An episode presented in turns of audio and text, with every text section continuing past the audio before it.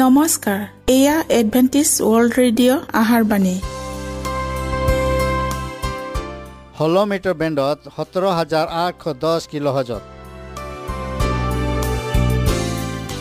Adventist world radio যোগে অসমীয়া ভাষাত প্ৰচাৰিত আহাৰবাণী প্ৰত্যেক বুধবাৰ আৰু দেওবাৰ সন্ধিয়া সাত বজাত আহাৰবাণী শুনাৰ পিছত আপোনালোকৰ কিবা মন্তব্য আৰু প্ৰশ্ন থাকিলে আমালৈ এই ঠিকনাত লিখক। আমাৰ ঠিকনাটি হৈছে Adventist world radio' seven day Adventist মণ্ডলী অসম শাখা লতাকাটা বশিষ্ট গুৱাহাটী সাত আঠ এক শূন্য দুই ন।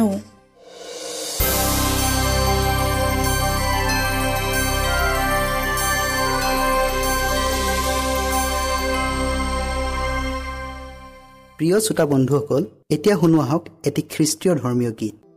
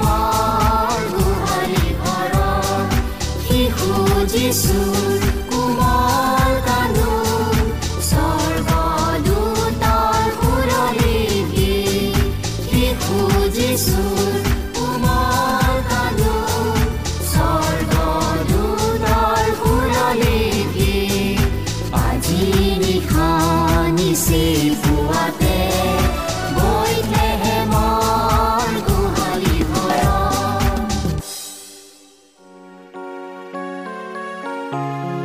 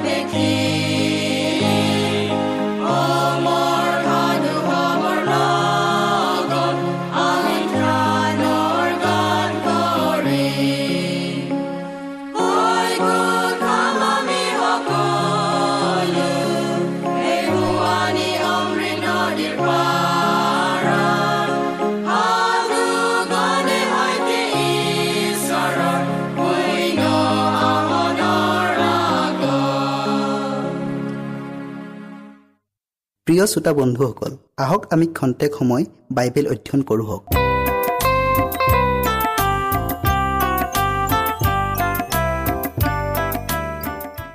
আজি আমি সাতটা অন্তিম উৎপাত পৰিবলৈ আৰম্ভৰ বিষয়ে অধ্যয়ন কৰোঁ হওক।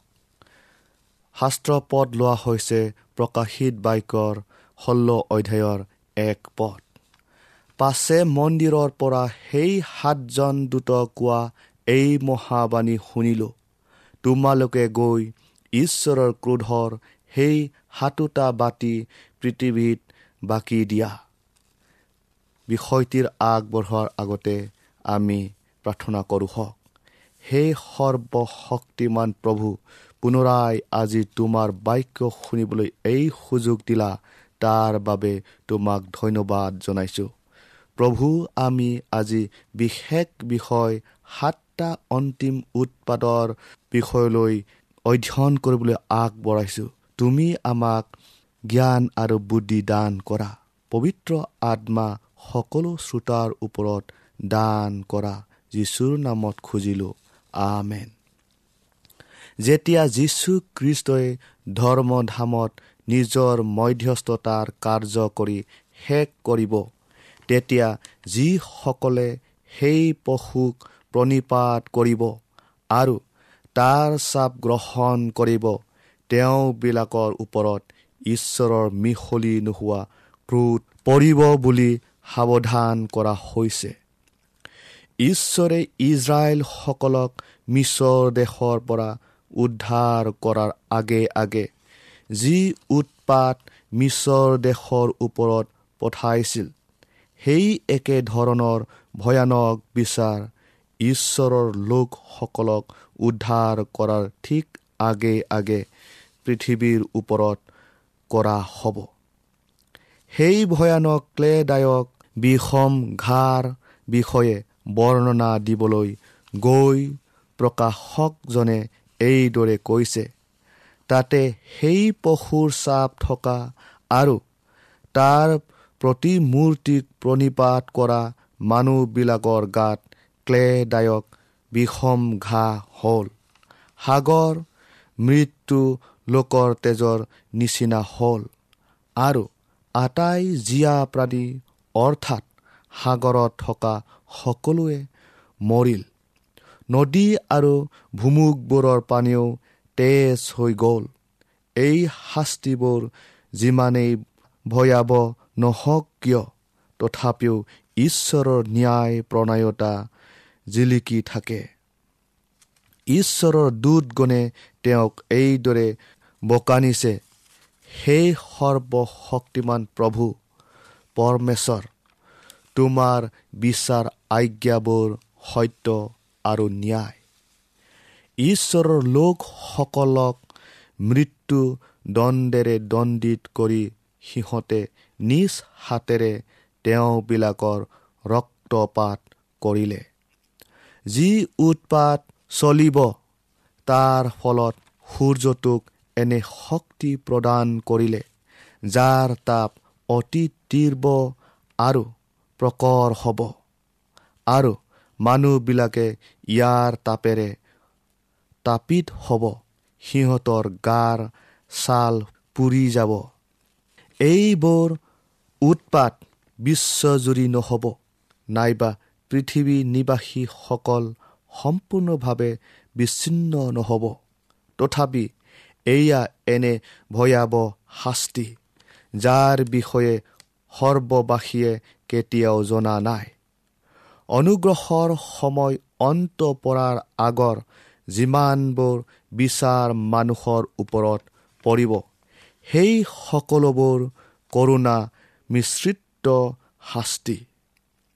তেওঁবিলাকৰ অপৰাধৰ বাবে পাবলগীয়া সম্পূৰ্ণ শাস্তিক কৃষ্টৰ তেজে পাপীসকলৰ বাবে নিবেদন কৰা প্ৰাৰ্থনাই ঢাল হিচাপে থাকি নোপোৱাকৈ ৰাখিছে। অৰ্থাৎ কৃষ্টৰ তেজৰ গুণত তেওঁবিলাকে এতিয়া পূৰ্ণ শাস্তি পোৱা নাই।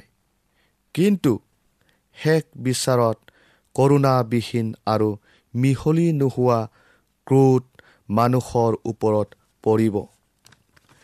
ঈশ্বৰৰ ক্ৰোধ অতি সোনকালে পৃথিৱীৰ ওপৰত পৰিব আৰু যেতিয়া তেওঁ বিধান উলংঘনকাৰীসকলক শাস্তি দিবলৈ আৰম্ভ কৰিব তেতিয়া শেষ নকৰালৈকে কাকো ৰেহাই দিয়া নহ'ব। জিৰণি লোৱাও নহ'ব।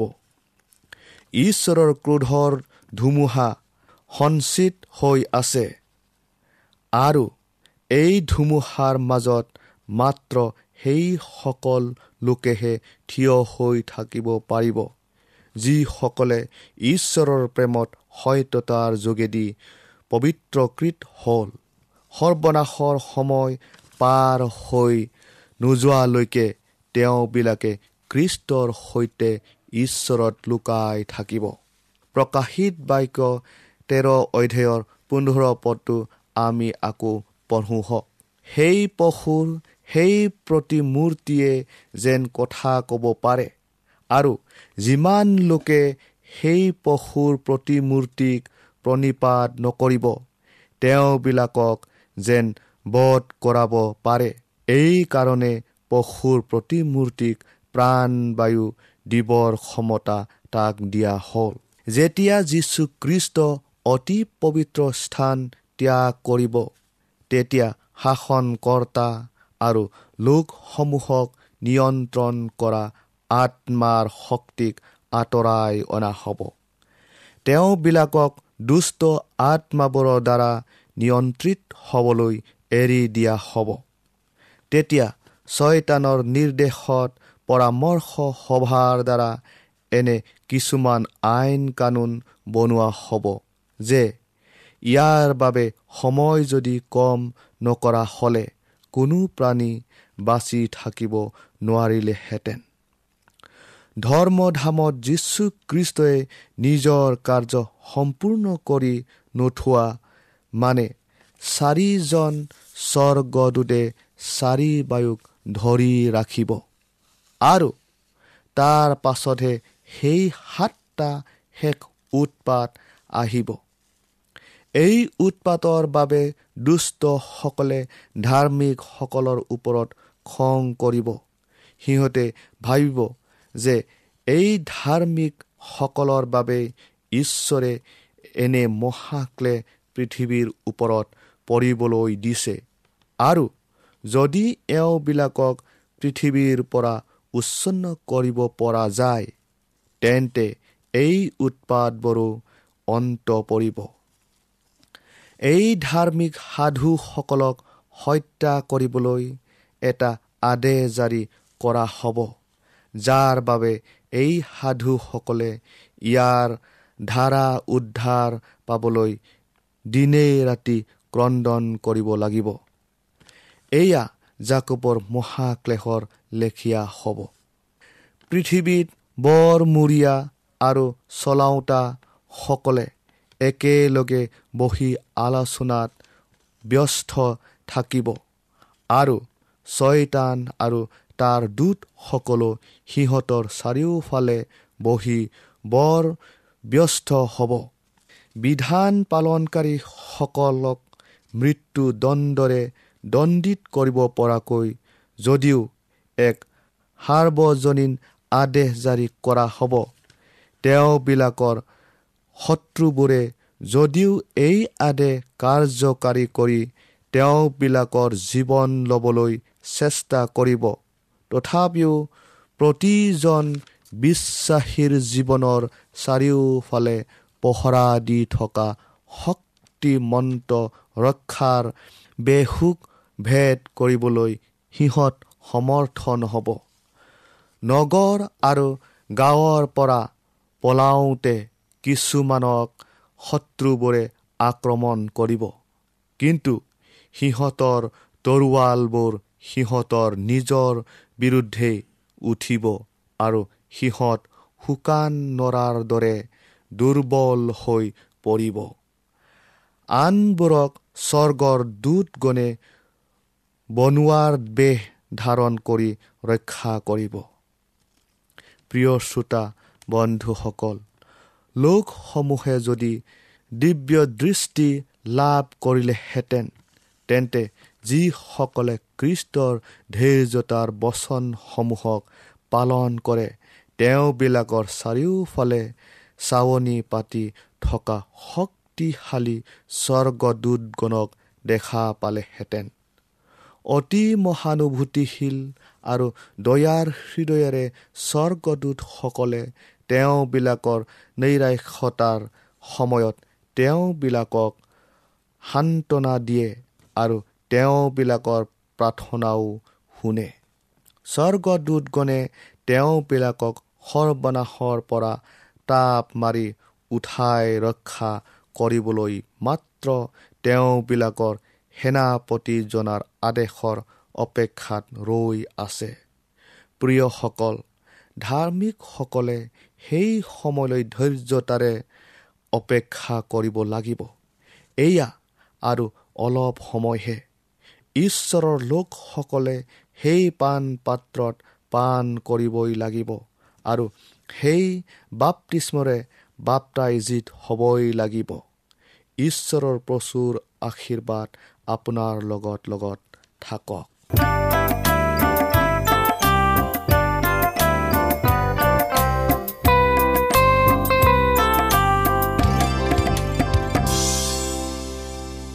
ইমানপৰে আমি বাইবেল অধ্যয়ন কৰিলোঁ। এতিয়া আকৌ শুনো আহক এটি খ্ৰীষ্টীয় ধৰ্মীয় গীত।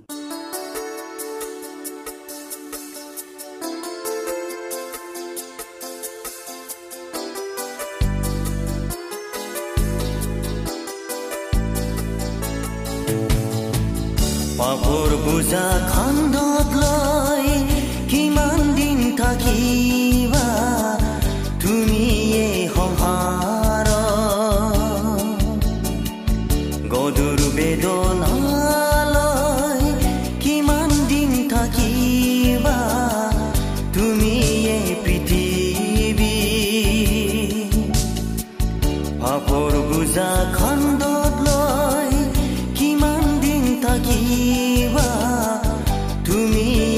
এই সংসাৰ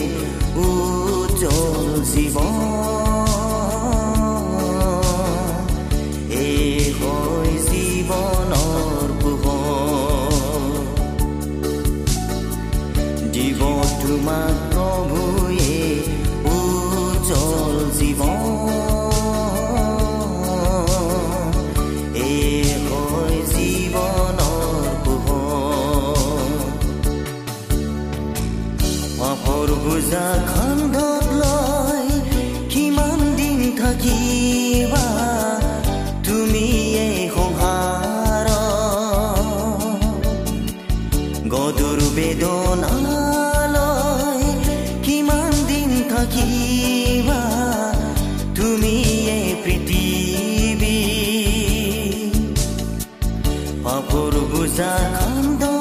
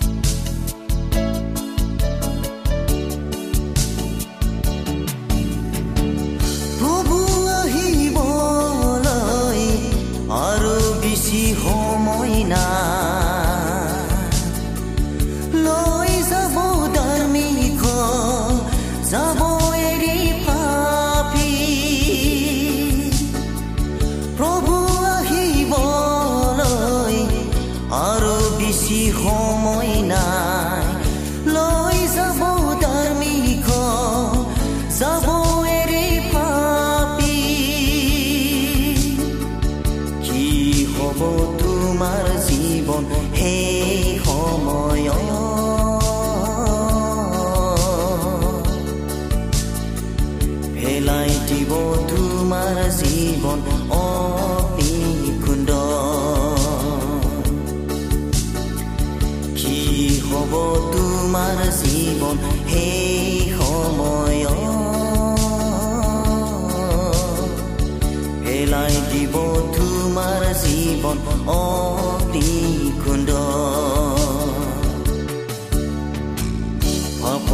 পূজা কুণ্ডত লৈ কিমান দিন থাকিবা তুমি এই সংসাৰ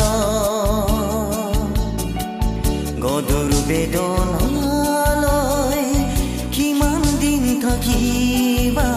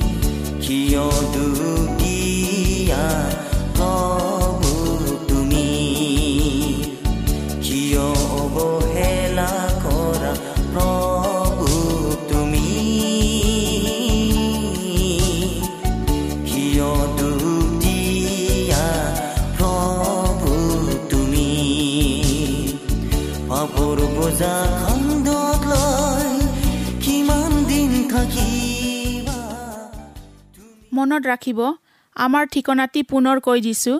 Adventist world radio' Assam region of seven day Adventist voice of hope Latakata Basistha Guwahati seven eight one zero' two nine প্ৰিয় শ্ৰোতা বন্ধুসকল এডভেণ্টিজ ৱৰ্ল্ড ৰেডিঅ' যোগে আহাৰবাণী প্ৰচাৰত আপোনালোকক পুনৰ লগ পোৱাৰ আহাৰে আজিলৈ সামৰিলোঁ। ধন্যবাদ।